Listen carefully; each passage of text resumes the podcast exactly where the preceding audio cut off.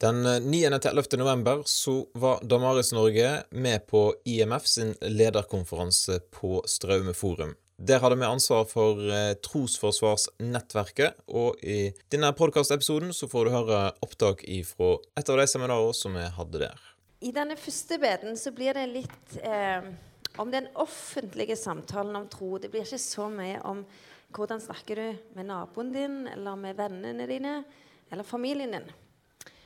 Eh, jeg tror Espen kan ganske mye om det òg. Men når vi først har en eh, som har fått stempelet samfunnsdebattant, så må vi benytte anledningen til å lære og spørre han ut. Dette syns jeg er veldig stas, Espen, at vi kan eh, få høre og lære litt. For jeg har hørt Espen har fortalt litt om hvordan det er å være en offentlig stemme. Og det er både skummelt og inspirerende og eh, utrolig interessant å høre.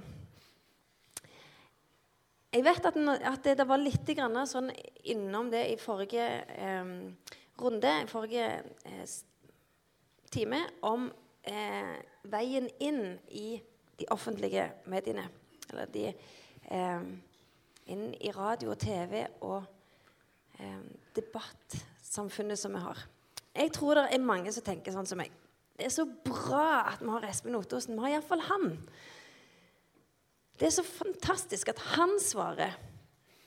Og det er så herlig vi har Ottosen i studio. Og så er jeg så himla fornøyd med at da slipper jeg å gjøre det. Hva er det som gjør at han tør? Hva er det som gjør at det, eh, han våger å ta den posisjonen? Og er det sånn at det, det at Espen har fått så stor tilgang inn, gjør at vi andre slapper litt for mye av og tenker vi trenger ikke gjøre det. Alle skal ikke gjøre det. Det er noen spesielle som er utvalgt til å gjøre det. Jeg er ikke sikker på om at alle er klar over hvor unike Espen sin posisjon er i norsk samfunnsdebatt. Hvor mange ganger har du vært i radio og TV i Norge? Ehm, jeg er ikke helt sikker, men jeg telte etter en gang. Eh, litt sånn for moro skyld. Eh, for et par år siden. Og da fant jeg vel ut at jeg hadde vært med i 250 debatter. Radio og TV. Hørte dere tallet? 250 debatter. Vet du hvor mange kronikker du har skrevet i landsdekkende aviser? Har du telt det? Nei, jeg har skrevet over 100 i Aftenposten, uh, vet jeg. Og så har jeg skrevet en del i VG og uh, litt i Dagbladet. Ja. Og så skriver jeg jo for tiden litt fast i Morgenbladet og Vårt Land. Um, ja. ja. Det var ikke mer.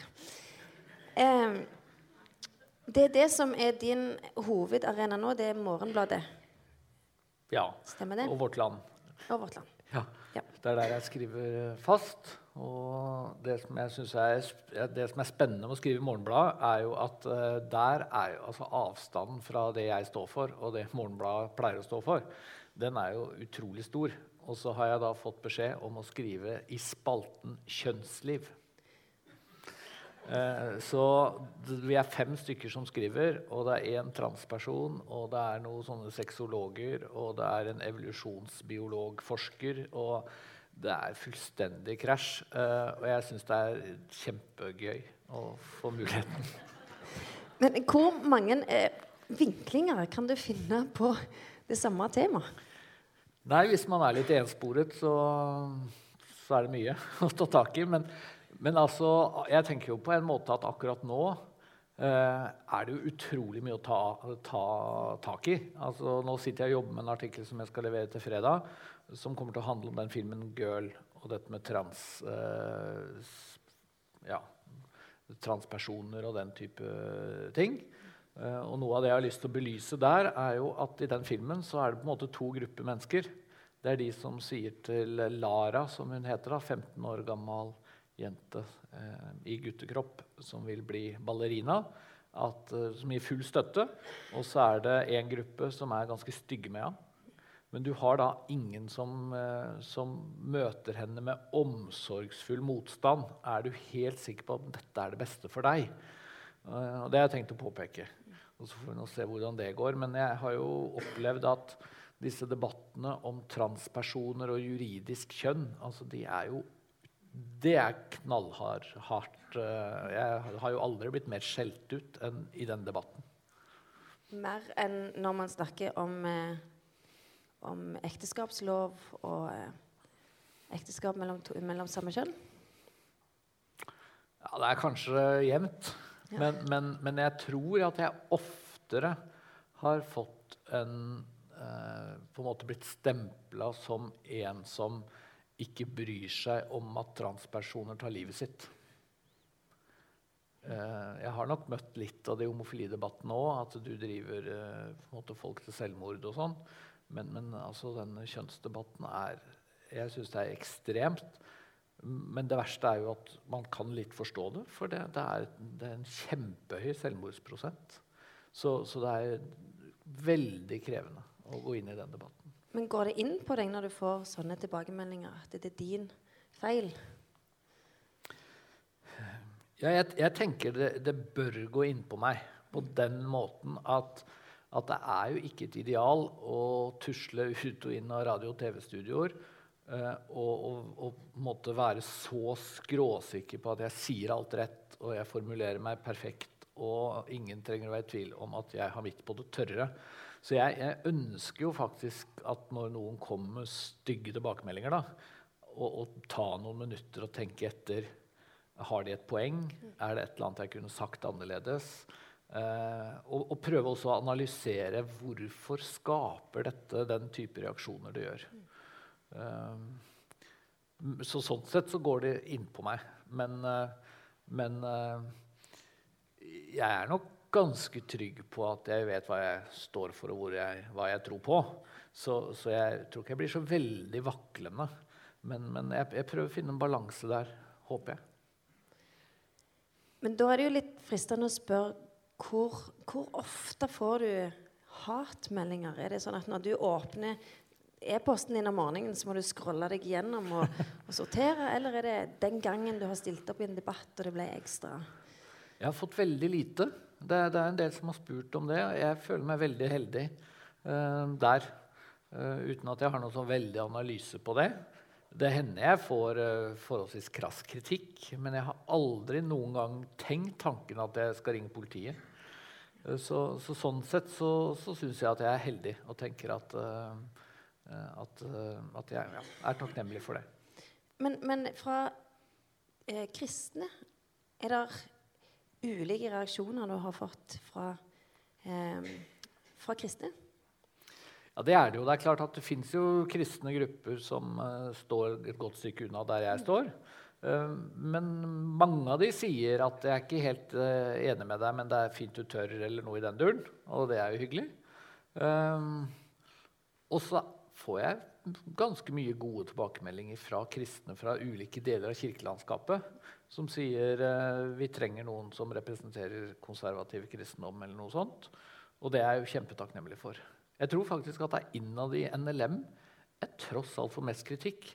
Og det skjønner jeg, for noen av de sier jo at eh, kan du ikke overlate noen av de kjipeste debattene til noen andre? Så ikke alt blir kobla til NLM. Eh, og det, det, gir veldig mening, det, så jeg tar ikke det så veldig nei, syns ikke det er så veldig rart. Men litt eh, tilbake til start. Eh, kan du fortelle litt om hva det var som motiverte deg til å begynne å løfte stemmen din offentlig? Ja, altså Jeg har eh, på en måte alltid skrevet. Eh, alltid likt det veldig godt. Når jeg var 20 år, så begynte jeg på Gimlekollen, studerte radio og begynte vel egentlig å skrive artikler og lesebrev av ulike typer. Um, og så hadde jeg ingenting med, med medier, radio og TV å gjøre på den tida. Men jeg husker at jeg var redaktør for Ungdom og Tiden. Det var altså Misjonssambandets ungdomsblad. For 25 år siden var jeg redaktør. Og En gang så ble jeg spurt om å komme og diskutere i NRK2 jeg tror det var den første eller andre debatten etter at NRK2 ble oppretta. Så skulle vi diskutere Jeg tror spørsmålet var Er det greit å drepe voldtektsmenn hvis de ikke blir frikjent uh, for voldtekt i på en måte norsk domstol. Og jeg møtte ei dame som har vært veldig aktiv i debattene senere, som heter Guro Sibeko. Ganske sånn frisk feminist, for å si det på den måten. Lesbisk. Vært veldig aktiv fordi hun har barn med, med, kunstig befruktning. Så jeg møtte henne for første gang tror jeg, da, for 25 år siden i en eller annen debatt. Kjørte henne hjem etterpå. Så jeg følte jeg var ganske raus da. Men, eh, men, tenkte jo på om dette var litt skummelt, da, for hun var jo en av de som gjerne skøyt ned på åpen gate voldtektsmenn som slapp unna. Så hun hadde en viss sånn brutal innstilling. Men det gikk fint, det, altså. Og så reiste jeg til Peru som misjonær og kom tilbake til Norge og begynte som informasjonsleder. Og det var den eneste erfaringen jeg egentlig hadde med radio og TV. Men så vet jeg jo, jeg er jo litt heldig, for jeg vet hva som skjedde. og det var altså at i september eh, 2003 da hadde jeg jobba et par måneder. Så ringer Holmgang, TV 2 sitt debattprogram, og spør om jeg vil være med i en debatt om unge kvinners sexvaner. Det vil jeg veldig gjerne, sa du da. Og, og, no, og, noen vil jo si at det burde jeg jo hatt vett nok til å svare nei til. Men, men, det jeg vet eh, som, Jeg ble jo veldig kjent. Jeg var i, sikkert med i 20, 20 håndganger, så jeg ble jo godt kjent med folk. Og, og, da fortalte de hva som skjedde. og det var at De satt altså i et slags sånn morgenmøte. Vi har bestemt tema. Det skal være unge kvinners sexvaner. eller noe den slags. Eh, vi må ha tak i en eller annen kristen. Kanskje to. Eh, men vi kan ikke spørre Gunnar Prestegård. Han er over 70. Vi må finne noe annet. Er det noen som har noen ideer? Og så var det en eller annen som da sa at du, han Ottosen han skriver jo litt. Jeg har sett han i Vårt Land og Aftenposten. Uh, han har akkurat begynt som informasjonsleder. og vi, prøver, vi ringer han. Og jeg var, jeg var, usikker og tenkte unge kvinners sexvaner og holmgang. og Er dette noe jeg skal drive med? Og Grunnen til at jeg svarte ja, det var at var, jeg fikk beskjed at det skulle være en annen kristen med fra Ungdom i oppdrag. Fra Familiefokus. Geir Byberg, som er en flott, flott fyr. Og så tenkte jeg ja, men da tør jeg. Vi er to. Og jeg husker Vi, vi møttes før sending og hadde bønnestund og, og, mannet hverandre opp. Men det jeg da ikke visste, var at Geir Byberg han ble liksom plassert i en krok i studio, mens jeg ble satt på første rad eh, ved siden av en eller annen sexolog som syntes det var så strålende at kvinner begynte å ligne mer på menn når det kom til seksualitet og det å slippe seg løs. Mens jeg da på en måte var den kritiske stemmen. Og så begynte Holmgang å ringe hver gang. De tenkte vi må ha en eller annen konservativ kristen stemme. Så jeg fikk litt sånn klippekort. Og så begynte NRK å ringe. Men fra min side var det ikke noen plan. Det, det var litt sånn det ble. Og så fikk jeg mye gode tilbakemeldinger og fikk støtte fra jobben, sjefen og sånn. Så da blei det sånn. Eh, Holmgang hadde en, hvis ikke jeg husker feil, en litt eh, omstridt eh, debattleder. Kan det stemme? Har du, Oddvar Stenstrøm. Ja. ja. Mm. Eh, opplevde du at eh, du på en måte hadde stemningen mot deg eller med deg fra, fra redaksjonens side? Jeg tror mange vil si at uh, Oddvar Stenstrøm han uh, likte og la opp til at folk var litt sånn spissformulerte. Uh, og at det også kunne slå altså kunne være en fordel da, for kristne debattanter. Og det, det som, har, som, har, vært mitt sånn mantra sagt, i møte med disse mediene, er at du må, du må, på en måte kjøpe konseptet skal du være med. Altså, Holmgang var et sånt program hvor det var åtte-ni debattanter. Det betyr at fikk du ordet, og du klarte å holde det et minutt, så kunne det gå ti minutter til du fikk det igjen. Og da kan det hende du fikk et helt annet spørsmål enn det du hadde hatt lyst til å snakke om når du ble avbrutt sist. Altså, det var en veldig sånn kaotisk debattprogram. Og, og Holmgangs, eh, de jeg ble kjent med i redaksjonen, fortalte jo at når de ringte rundt til biskoper og kirkeledere, og sånn, så var det veldig mange som sa nei, Holmgang det er et idiotisk program. Der får man jo ikke snakke ut. Det er altfor lettvint og altfor tabloid. Så nei takk. Og, og, det er ikke det at jeg ikke forstår det, men, men, for meg så var det litt sånn at uh, skal du være på den arenaen, så må du bare kjøpe systemet. Så da forberedte jeg meg jo på å, å si maksimalt to-tre setninger sammenhengende sammenhengene, som jeg tenkte var relevante og viktige og poengterte. Uh, og jeg, jeg tror ikke jeg har vært sånn en råtass når det gjelder å avbryte folk, men, men jeg kan gjøre det. og jeg tenker, tenker, på en måte at uh, det hjelper ikke å sitte i et studio og være irritert over at uh, måten ting foregår på, er tåpelig. Du får bare lov å snakke i tre setninger. Enten må du akseptere at sånn er det, og gjøre det beste ut av det, eller må du bare takke nei. For Du nevnte en gang at det, nettopp det at det, mange omtalte programmet som tåpelig, det var kanskje ikke helt heldig i møte med redaksjonen. At det å være høflig og hyggelig og anerkjenne at de har en jobb ja, så det er klart Når jeg blir ringt opp fra Holmgang, og det gjelder jo fortsatt hvis jeg ringes opp fra Dagsnytt 18 eller noe annet i, i vår tid, så, så, er det klart at uh, jeg har ingenting å tjene på å si at uh, det var da et tåpelig tema. Eller uh, 'hvorfor ringer dere meg?' Dette vil jeg da ikke si noe om. Maken til tull. Eller noe i den retning. For de som ringer opp til meg, har jo en jobb å gjøre. Og det er å finne en som stiller opp. Uh, og det å, å, høre på en tirade fra meg som avslutter med 'og dessuten passer det ikke', er jo, måte, det er jo bare bortkasta tid for den journalisten som ringer. Så jeg har alltid tenkt at uh, det å møte journalister med så mye velvilje og hyggelighet som mulig, det har jeg bare noe å tjene på. Og hvis jeg skulle bli skuffa eller føle meg dårlig behandla, eller et eller annet sånt, så er det jo sjefen jeg må snakke med. For den stakkars journalisten som ringer rundt, han har bare fått en jobb som, som vedkommende må prøve å levere på så godt man kan.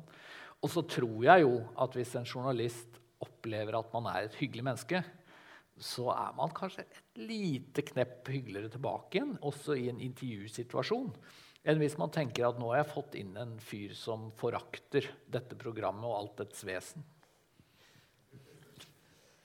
Eh, du nevnte det med å eh, forberede Du vet du har så mye tid, og da må du bruke tida.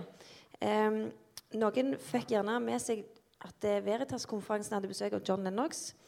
Eh, og han sa noe som var eh, overraskende. Når han var i vanskelige debatter, så bruker han mye tid på forberedelse. Mye mer enn jeg ante at en smart professor måtte bruke. Hvordan forbereder du deg?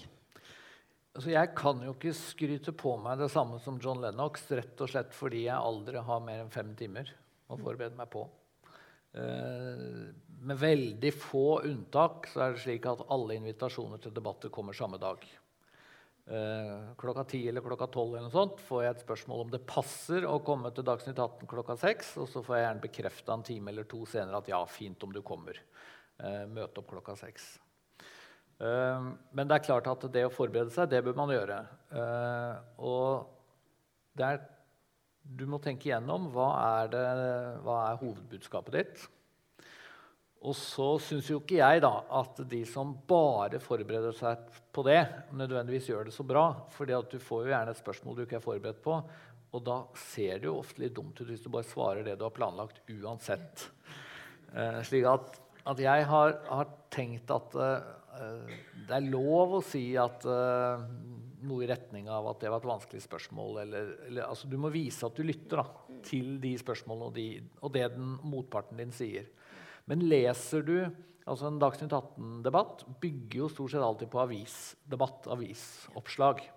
Så det å lese nøye gjennom uh, hva argumentasjonen fra den andre part er, er jo veldig viktig. Eh, da kom man godt forberedt. Og så har jeg alltid hatt som vane og Det er kanskje litt sært, men jeg har alltid med meg Bibelen inn i studio. Og inni Bibelen har jeg alltid en huskelapp. Det er ikke alltid det står så veldig mye, men jeg skriver alltid opp navnet på den jeg møter. For det, det er fryktelig pinlig å sitte der og tenke Hva var det hun het? Anja? Anne? Astrid? Hva var nå det?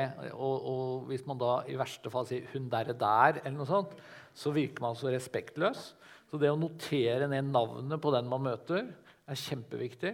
Og så prøve å sortere de to, tre, fire viktigste tingene man kan si. Det jeg har gjort også en del, ofte, det er å gå meg en tur rett før sending og snakke høyt. Altså rett og slett bare øve meg på setninger for å, høre, for å høre etter om de fungerer i praksis. For én ting er jo å skrive ned noe, en annen ting er jo å klare å si det på en muntlig, naturlig måte. Eh, har det hendt at du har følt deg veldig urettferdig behandla? At du blir avbrutt, eller at det spørsmålet er så lada at du må på en måte rydde vekk og si ja, men jeg mener jo ikke det du sier at jeg mener, så du, må, du får aldri fram budskapet ditt. Og, og hvis det skjer, hvordan beholder du roen? Jeg har eh, opplevd én gang at det var en journalist som jeg syntes var så ufin at han har svart nei til etterpå. Det var faktisk en debatt om at Oslo skulle være homohovedstad. Jeg møtte Erling La, som er homofil, høyrepolitiker, veldig trivelig mann. Og han var utrolig avbalansert, og jeg syns vi hadde en kjempefin debatt.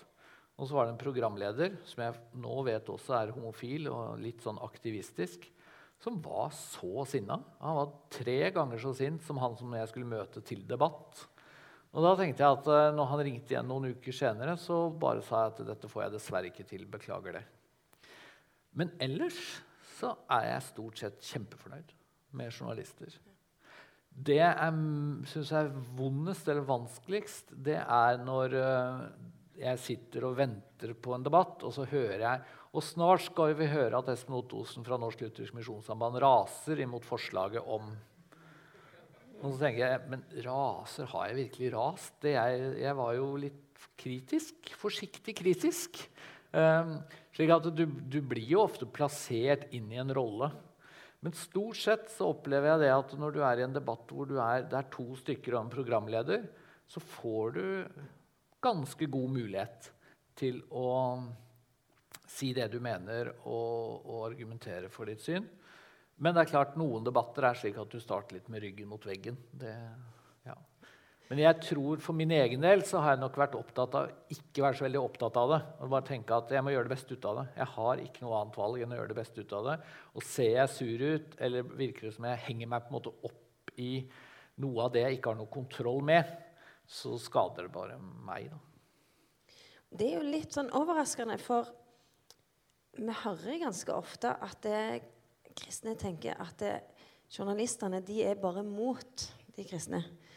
Um, spørsmålet er lada, eller de er vridd, eller de er til, til gode for motparten. At de, det er rigga sånn at du skal tape. Men det er ikke nødvendigvis din erfaring fra innsida. Kan det være at det er vi som sitter på utsida, heier sånn på at vi blir faktisk litt urettferdige mot programmet eller mot programlederen eller debattlederen? Ja, det, det tror jeg kan skje. Men så tror jeg også at at det er viktig å tenke at, at, hvis ting oppleves litt rigget, eller hvis konseptet er slik at det ser ut som man taper som kristen, så vil ikke jeg skylde på den enkelte journalist sånn veldig spesifikt. Jeg vil skylde mer på kulturklima. Eh, og jeg tror jo, altså, jeg syns journalister ofte prøver å være rimelig objektive og, og profesjonelle og trivelige og, og sånn. Men de er selvfølgelig preget av at vi lever i et avkristnet Norge. Men, men eh, jeg syns det er begrensa hvor, hvor, kritisk jeg skal være til selve journalisten. For, for han eller hun ha, må på en måte forholde seg til måten ting diskuteres på. Da. Og det er klart, Jeg misunner jo ikke akkurat KrFs eh, folk i dag som skal, skal argumentere imot tvillingabort eller denne paragraf 2c i abortloven eller noe sånt. Og jeg også tenker nok at, at, måten dette vinkles på i samfunnet vårt, er ganske lada. Og det er veldig vanskelig å komme igjennom med, med et kristenperspektiv. Men jeg tror ikke jeg som sagt tar selve journalisten. Jeg tenker at Når 90% av befolkningen eh, ikke kan tenke seg å støtte opp om KrFs perspektiv, så, så, må vi på en måte akseptere at det, det er litt sånn det er, og så må vi gjøre det beste ut av det. For, for, hvis jeg ikke tenker sånn, så hadde jeg jo aldri tatt telefonen. Hvis jeg hadde tenkt at eh, jeg er dømt til å tape, eller noe sånt, så, så må man bare holde seg unna. Og det har jeg jo da valgt å ikke gjøre. Men, men oppleves det litt sånn eh, at det, nå er jeg Kristen-Norges representant eh, og har hele Kristen-Norge på skuldrene noen ganger? Altså jeg, jeg, tenker jo faktisk at jeg representerer mye mer enn Misjonssambandet. Og det syns jeg jo er fint. Jeg, jeg, prøver å tenke Når jeg går inn i et studio, så har jeg noe med meg Bibelen. Og det er jo fordi jeg tenker at, eh, at jeg eh, bygger på Guds ord. Og, og på, på, en tro som, som, er mye større og mye mer holdbar enn en en motparten. Men i tillegg så tenker jeg at det er hundretusenvis av kristne som står bak meg og står bak dette.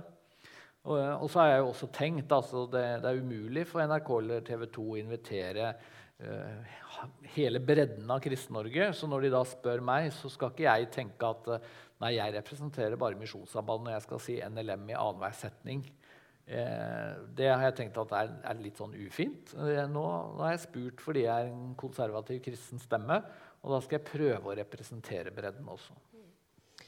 Men hender det da at det, når du føler du har hundretusener i ryggen, at du tenker dette kommer jeg kanskje ikke så godt ut av? det er jo pinlig å si det motsatte. Nei, altså jeg, jeg vinner alle debatter.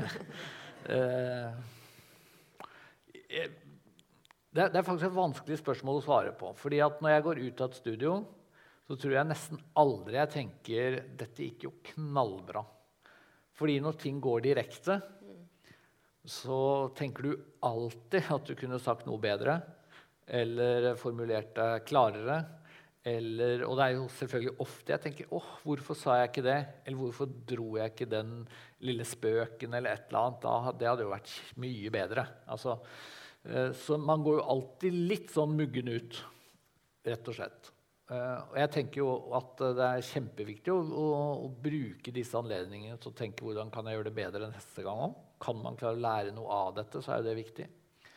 Men det er ganske sjelden heldigvis at jeg har gått ut og tenkt dette burde jeg ikke gjort.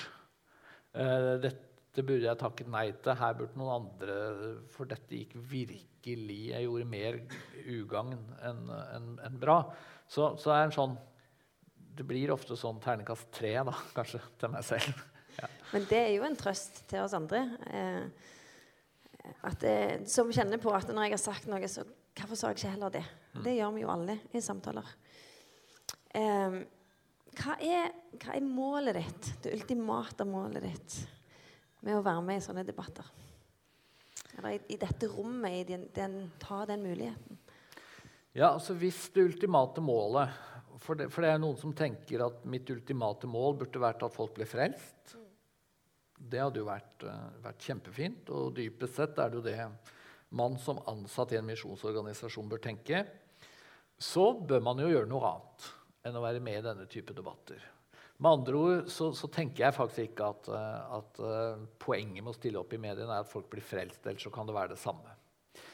Og jeg tenker heller ikke egentlig at målet er at folk skal bli enige med meg.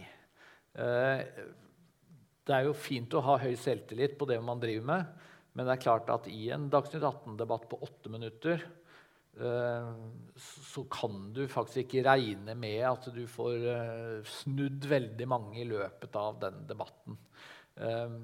Det handler også litt om hvordan kulturklimaet er. da. Så, men hva blir da det ultimate målet? For meg så har det egentlig først og fremst handla om å bygge ned fordommer og fjerne misforståelser. Jeg har tenkt at uh, i dag så er det veldig mange som mener at kristne er dumme. Kristne er fordømmende. Kristne er ikke særlig gjennomtenkte.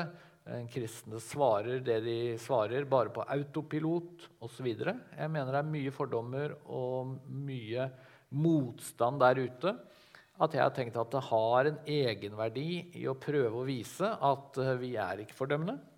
Vi har gode grunner for det vi mener og det vi står for. Vi kan argumentere for det, og vi kan gjøre det på en respektfull og vennlig måte overfor de, de vi møter. Og så har jeg tenkt at det, har, det er godt nok da, som grunn. Da er det jo egentlig inne på det siste spørsmålet mitt. Hva vi som ikke snakker med folk foran et kamera, hva kan vi lære av dere som våger å, å ta den offentlige debatten når vi snakker med våre naboer eller våre venner eller vår familie? Ja, der, der, tror jeg jeg skal begynne med å si at, at jeg er kanskje ikke den rette til, til å svare på det. For, for, noe av det som er vanskelig med å ta den, den debatten eller den samtalen da, med en nabo, eller noe sånt, det er jo at, at rammene er mye mer ulne enn i mitt tilfelle. Det, det, er noe av det jeg også litt pga. min personlighet antagelig, syns er veldig greit med å være i en radio-TV-debatt. eller noe sånt, det er at jeg får en rolle. Og den rollen er å representere kristne verdier om ditt og datt på, på, i denne debatten. Og det er jeg egentlig ganske komfortabel med. Men uh, hvis jeg uh, er med på en fotballkamp og står på sidelinja fordi jeg ser på en sønn spille fotball, og så står jeg ved siden av en fyr som ikke er kristen, og tenker at uh, han sier et eller annet hvor jeg kunne tenke meg å, å, å, å si noe som sier noe om hva jeg står for og min tro, så tror jeg jeg er minst lik beskjeden, dessverre, som jeg si, vanlige nordmenn. Det, det er vanskelig, uh, tror jeg, for mange av oss å finne en naturlig måte å snakke om tro på. Uh, men, men, i mitt tilfelle så er det klart at de fleste samtalene jeg får, det er jo fordi folk tar kontakt pga. et eller annet jeg har sagt i mediene. Så dermed blir min situasjon veldig annerledes eh, enn en deres Du, Tusen takk for et glimt inn. Er det noen som har ett eller to spørsmål eh, før vi går videre? Noen jeg tenker Det skulle vi gjerne visst om hvordan det er å være Espen Ottosen, debattant.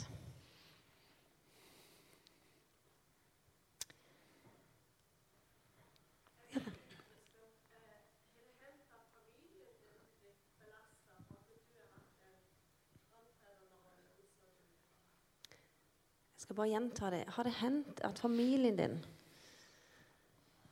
har eh, fått respons eller reaksjoner, eller det har vært belastende for dem pga. din rolle?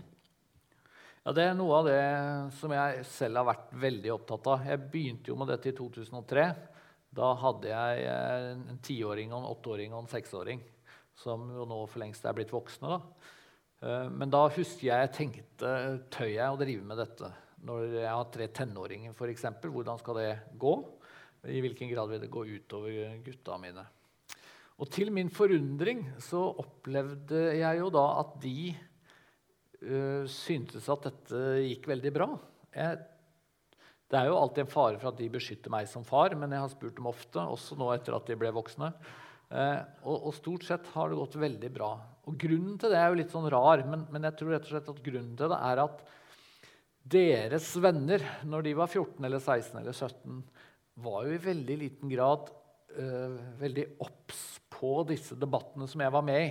Slik at Jeg opplevde jo ofte det at en eller annen kamerat til en av sønnene mine kom bort og sa du så deg på TV i går.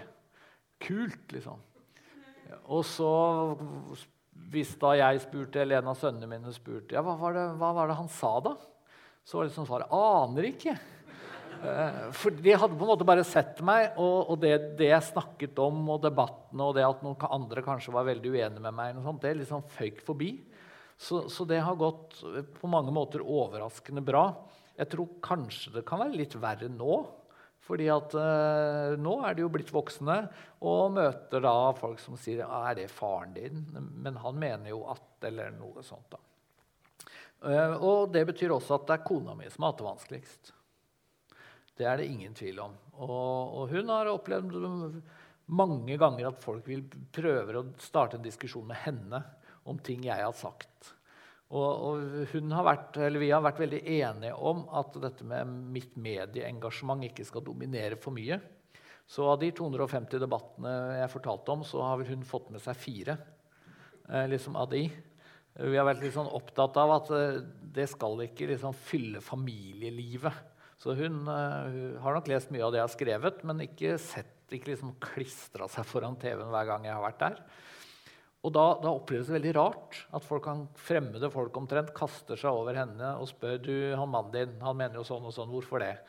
Uh, og, og, hun har også av og til sagt til meg at du er heldig du. Når du går på lunsj, så får du en klapp på skuldra. Når jeg går på lunsj, så får jeg et annet ekkelt spørsmål når du har sagt eller ment et eller annet. Ja, for hun jobber i en helt annen setting? Hun jobber i en kommune. Mm. Eh, og, og syns at det har vært vanskelig. Men så er det klart at fordelen er jo at ting går seg til. Nå er liksom løpet kjørt da, for meg og for oss.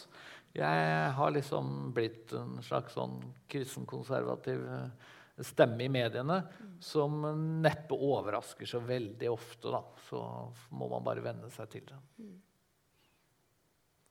Er det et spørsmål til? Ja, der, ja.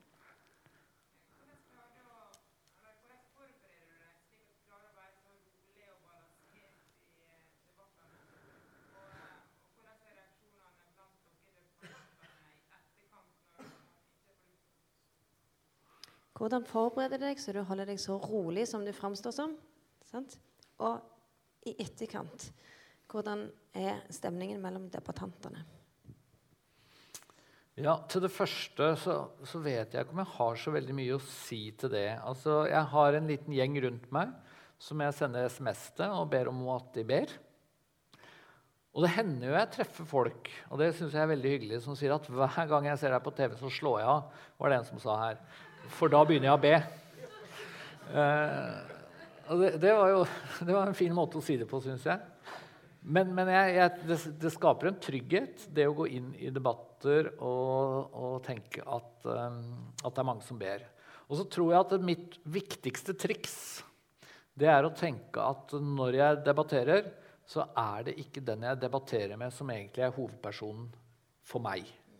Altså, det vil jo aldri skje at uh, min motdebattant sier men det har du jo helt rett i, Ottosen. Beklager, jeg har jo tatt helt feil.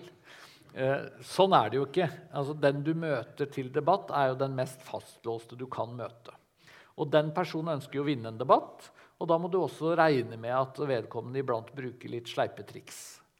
Jeg tror jeg er ganske forberedt på det, og så tenker jeg det er ikke så viktig på en måte eh, hva, hvordan den personen reagerer eller tenker. Det som er viktig, er jo lytterne, seerne.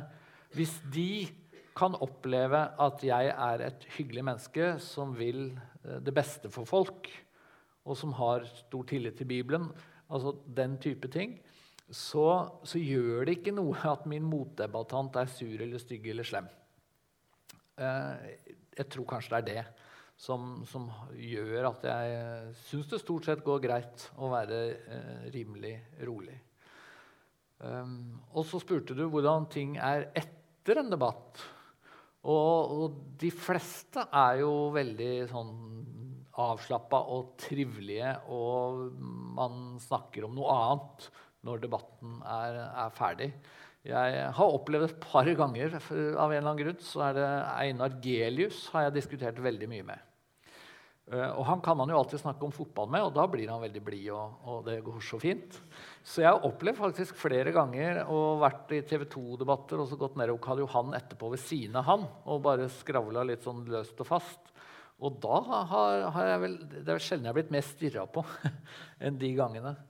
Um, og den mest interessante opplevelsen var for mange år siden så møtte jeg Wenche Foss i en homodebatt.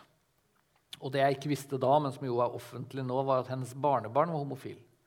Og Hun var nok i disse debattene også da i veldig stor grad, for hun, hun ønsket virkelig å forsvare sitt barnebarn. Men da opplevde jeg at hun Jeg har aldri møtt et blidere menneske før sending. Aldri opplevd et surere menneske under sending. Og aldri opplevd et blidere menneske etter sending. Så jeg tenkte hun der er litt av en skuespiller. Uh, og så kan man jo spørre seg når spilte hun mest. Var det under debatten, eller var det før og etter? Men, men stort sett så, så, opplever jeg at ting er veldig eh, avslappa og, og hyggelig, og folk er ordentlige folk. Og så har jeg opplevd noen ganger at debatten fortsetter, og det syns jeg egentlig er helt greit, det òg. Eh, for da eh, senker jo skuldrene seg litt. Og den man snakker med, kan jo være litt mer nysgjerrig. Ja, men, men hvordan tenker du da? Og så videre. For da er jo ikke TV-kameraet på, og, og, man kan snakke ja, mer avslappet, rett og slett. Vi var sammen i en setting eh, i London sammen med noen andre som har jobba eh, med de samme spørsmålene som du har jobba med. Og da var det en som sa eh, at han gjorde et nummer av å alltid invitere debattantene med seg på pub etterpå. For kunne man sitte og spise sammen etterpå, så eh, må det roe alt seg. Og så fikk man være sammen som mennesker, og ikke bare som folk som er mot hverandre. Eh, så hadde han anledning, så var han alltid ute sammen med de som han hadde vært på debatt med etterpå. Eh, og apropos det, det er det aller siste vi skal summere opp med. Jeg, eh, I den sammenhengen og i en annen sammenheng der vi var sammen, så, så fikk vi et ganske klart inntrykk av at vi er ganske heldige i Norge. Eh, I andre land så har kristne måttet jobbe mye hardere for å komme til. Eh, de på en måte eh, Earn your right to speak. Du er nødt til å på en måte gjøre et eller annet for å bli lagt merke til. Sånn som Espen, som begynner å skrive, og som gjør det bra, og som folk ønsker å høre på. Eh, men i noen land så har de skrevet, og de har snakket, og de har ropt. Men de blir aldri invitert. Jeg tror vi skal være eh, Vi kan bli oppgitt noen ganger, vi kan føle oss misrepresentert både av den ene og den andre. Men jeg tror vi skal være så takknemlige for at vi tross alt slipper til med vårt synspunkt. Eh, eh, at de, folk er villige til å høre på oss. Og så skal vi huske på å be for de som gjør det. Eh, at de kan få bruke anledningen klokt, og at vi som hører på, hører med velvilje. Eh, stemmer ikke noe av det, av det de sa eh, fra andre land? Eh, akkurat nå i Irland så foregår det jo mange ulike debatter. Og han ene som har vært mye i uh, mediene der, han, han regner som har vært mye i mediene. Det er ikke i nærheten av det Espen har fått lov til. Så vi er veldig heldige, og kanskje flere av oss kan våge å ta kontakt med våre lokale journalister og si hvis det er et eller annet. Så kan jeg stille opp. Mm. Tusen takk. Og så skal vi øyeblikk ha en pause. Vi skal bare prøve et stunt. Det er ikke sikkert at vi får det til. Eller at jeg får det til. Vi skal prøve. Eh, det kan være at journalistene i Norge er relativt eh, opptatt av å få fram begge sider. At de selvfølgelig spisser det. Eh, men stort sett så får man slippe til å snakke ferdig noe av argumentet sitt. Det er ikke tilfellet overalt ellers. Um, se gjerne på debatter om f.eks. same sex marriage fra England eller USA. Eh, så får ofte den konservative kristne stempelet sitt eh, Altså passet sitt eh, på stempler eh, før et eneste spørsmål er stilt. Um, men for oss andre så får jo vi òg vanskelige spørsmål.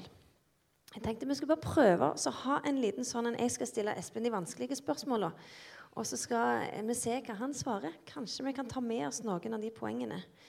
Um, jeg klarer ikke å være Det fins ikke i meg å bli sånn sint eh, og aggressiv og avbryte.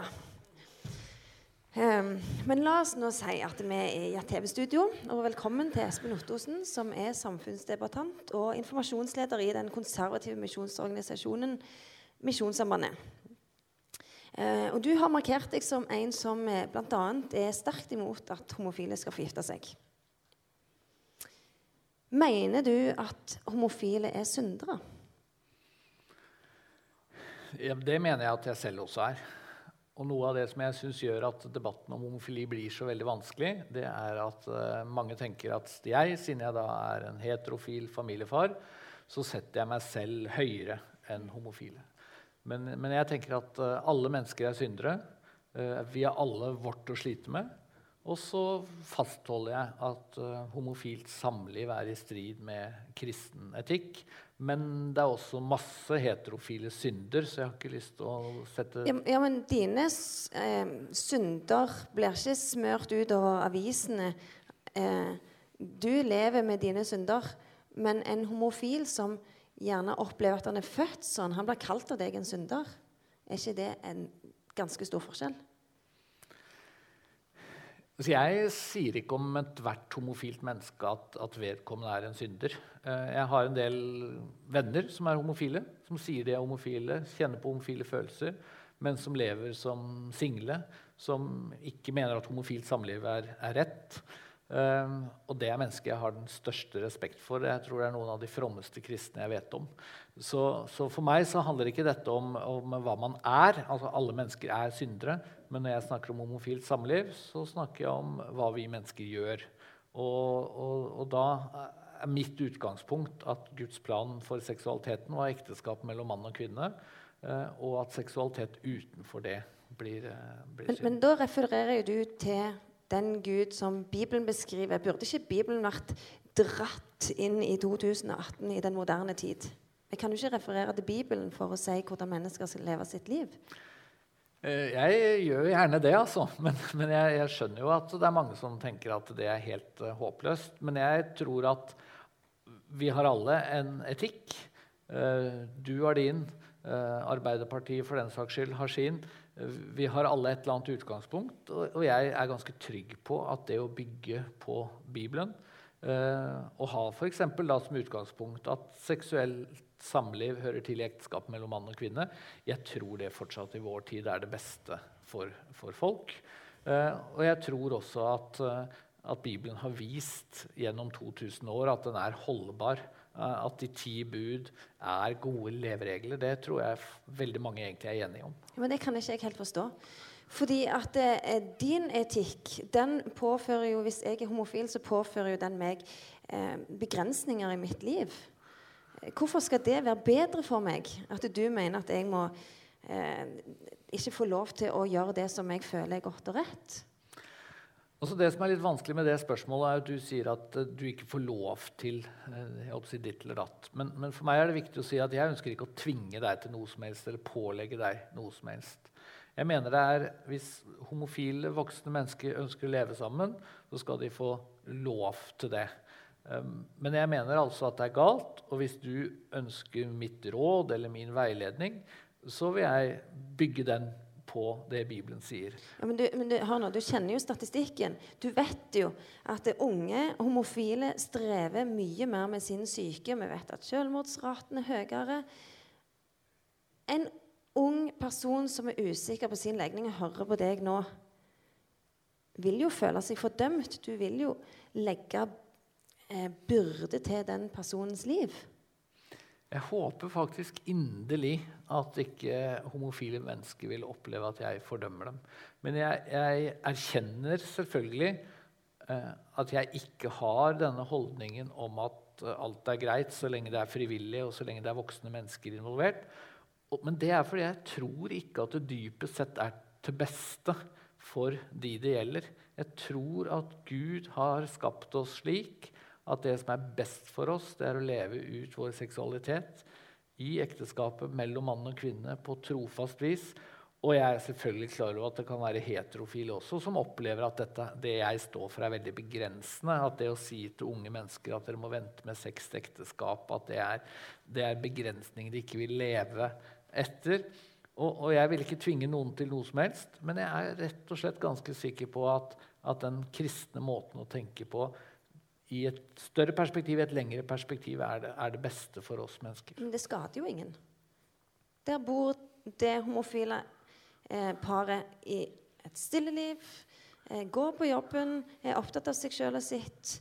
Eh, hva skader det deg? Jeg tror faktisk du har rett. At de skader ikke meg.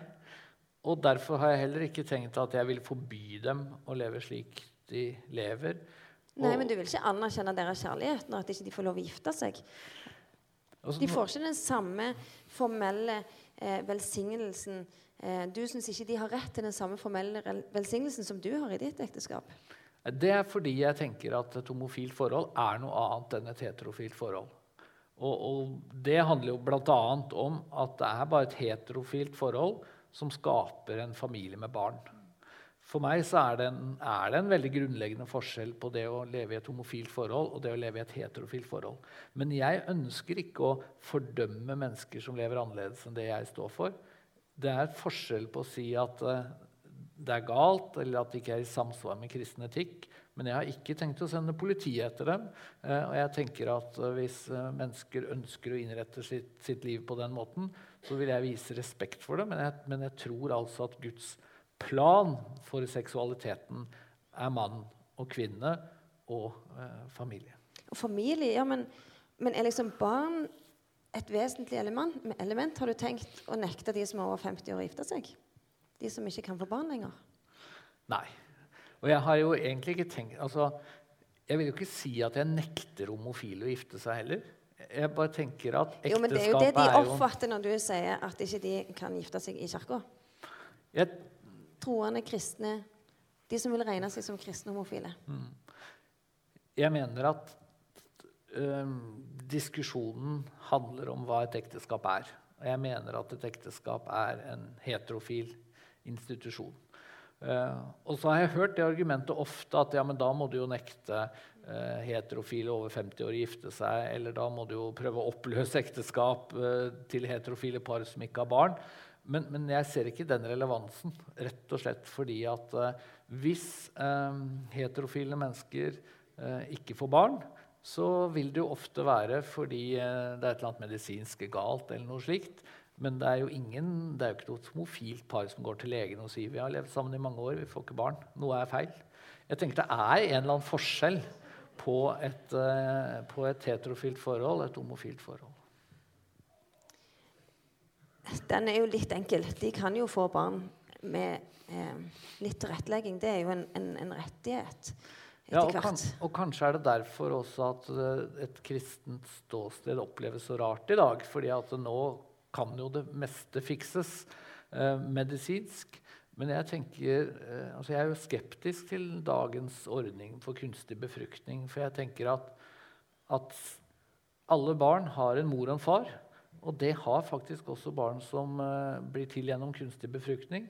Men da fratas de kontakt med den, i hvert fall én av sine biologiske foreldre. Og, det tenker jeg ikke er heldig for, for de barna det gjelder. Men, men, konsekvensen av det du sier Nå er det flere land som eh, bedriver klappjakt på homofile. Og ikke bare på aktivt homofilt samlevende, men på folk som definerer seg som homofile. Er det noe du vil assosieres med? Nei. Eh, det tar jeg veldig sterk avstand fra. Jeg syns det er veldig trist at, at det skjer. Og jeg, vi må jo innrømme at det også skjer i i noen land som, som, sier at de tenker kristent når de ja, Er ikke det veldig homofile. typisk eh, altså, Kristendommen har på en måte eh, vært for slaveri. og De hadde liksom blitt dratt baklengs etter historien hele tida. Og nå er det liksom denne siste fronten. Må Kirka være eh, Kan Kirka legitimeres, brukes for å legitimere eh, jakt på homofile som ender med døden? det er en del av ditt, eh, ditt univers?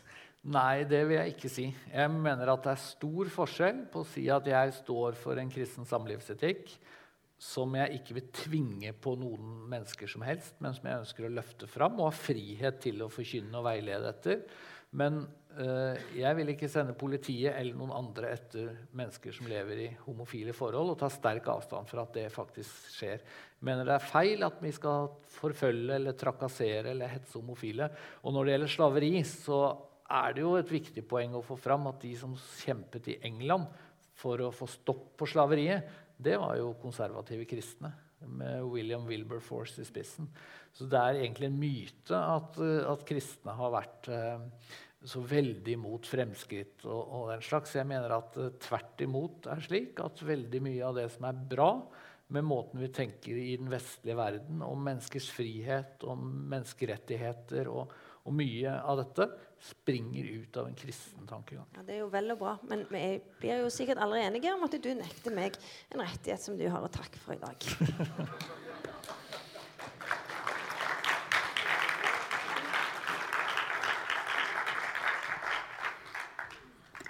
Yes, veldig bra. Det hadde vært fristende å spørre deg, Espen, om eh, Du har jo studert både filosofi og teologi og alt mulig. Hvor, hvor viktig er på en måte faglig input eh, for deg?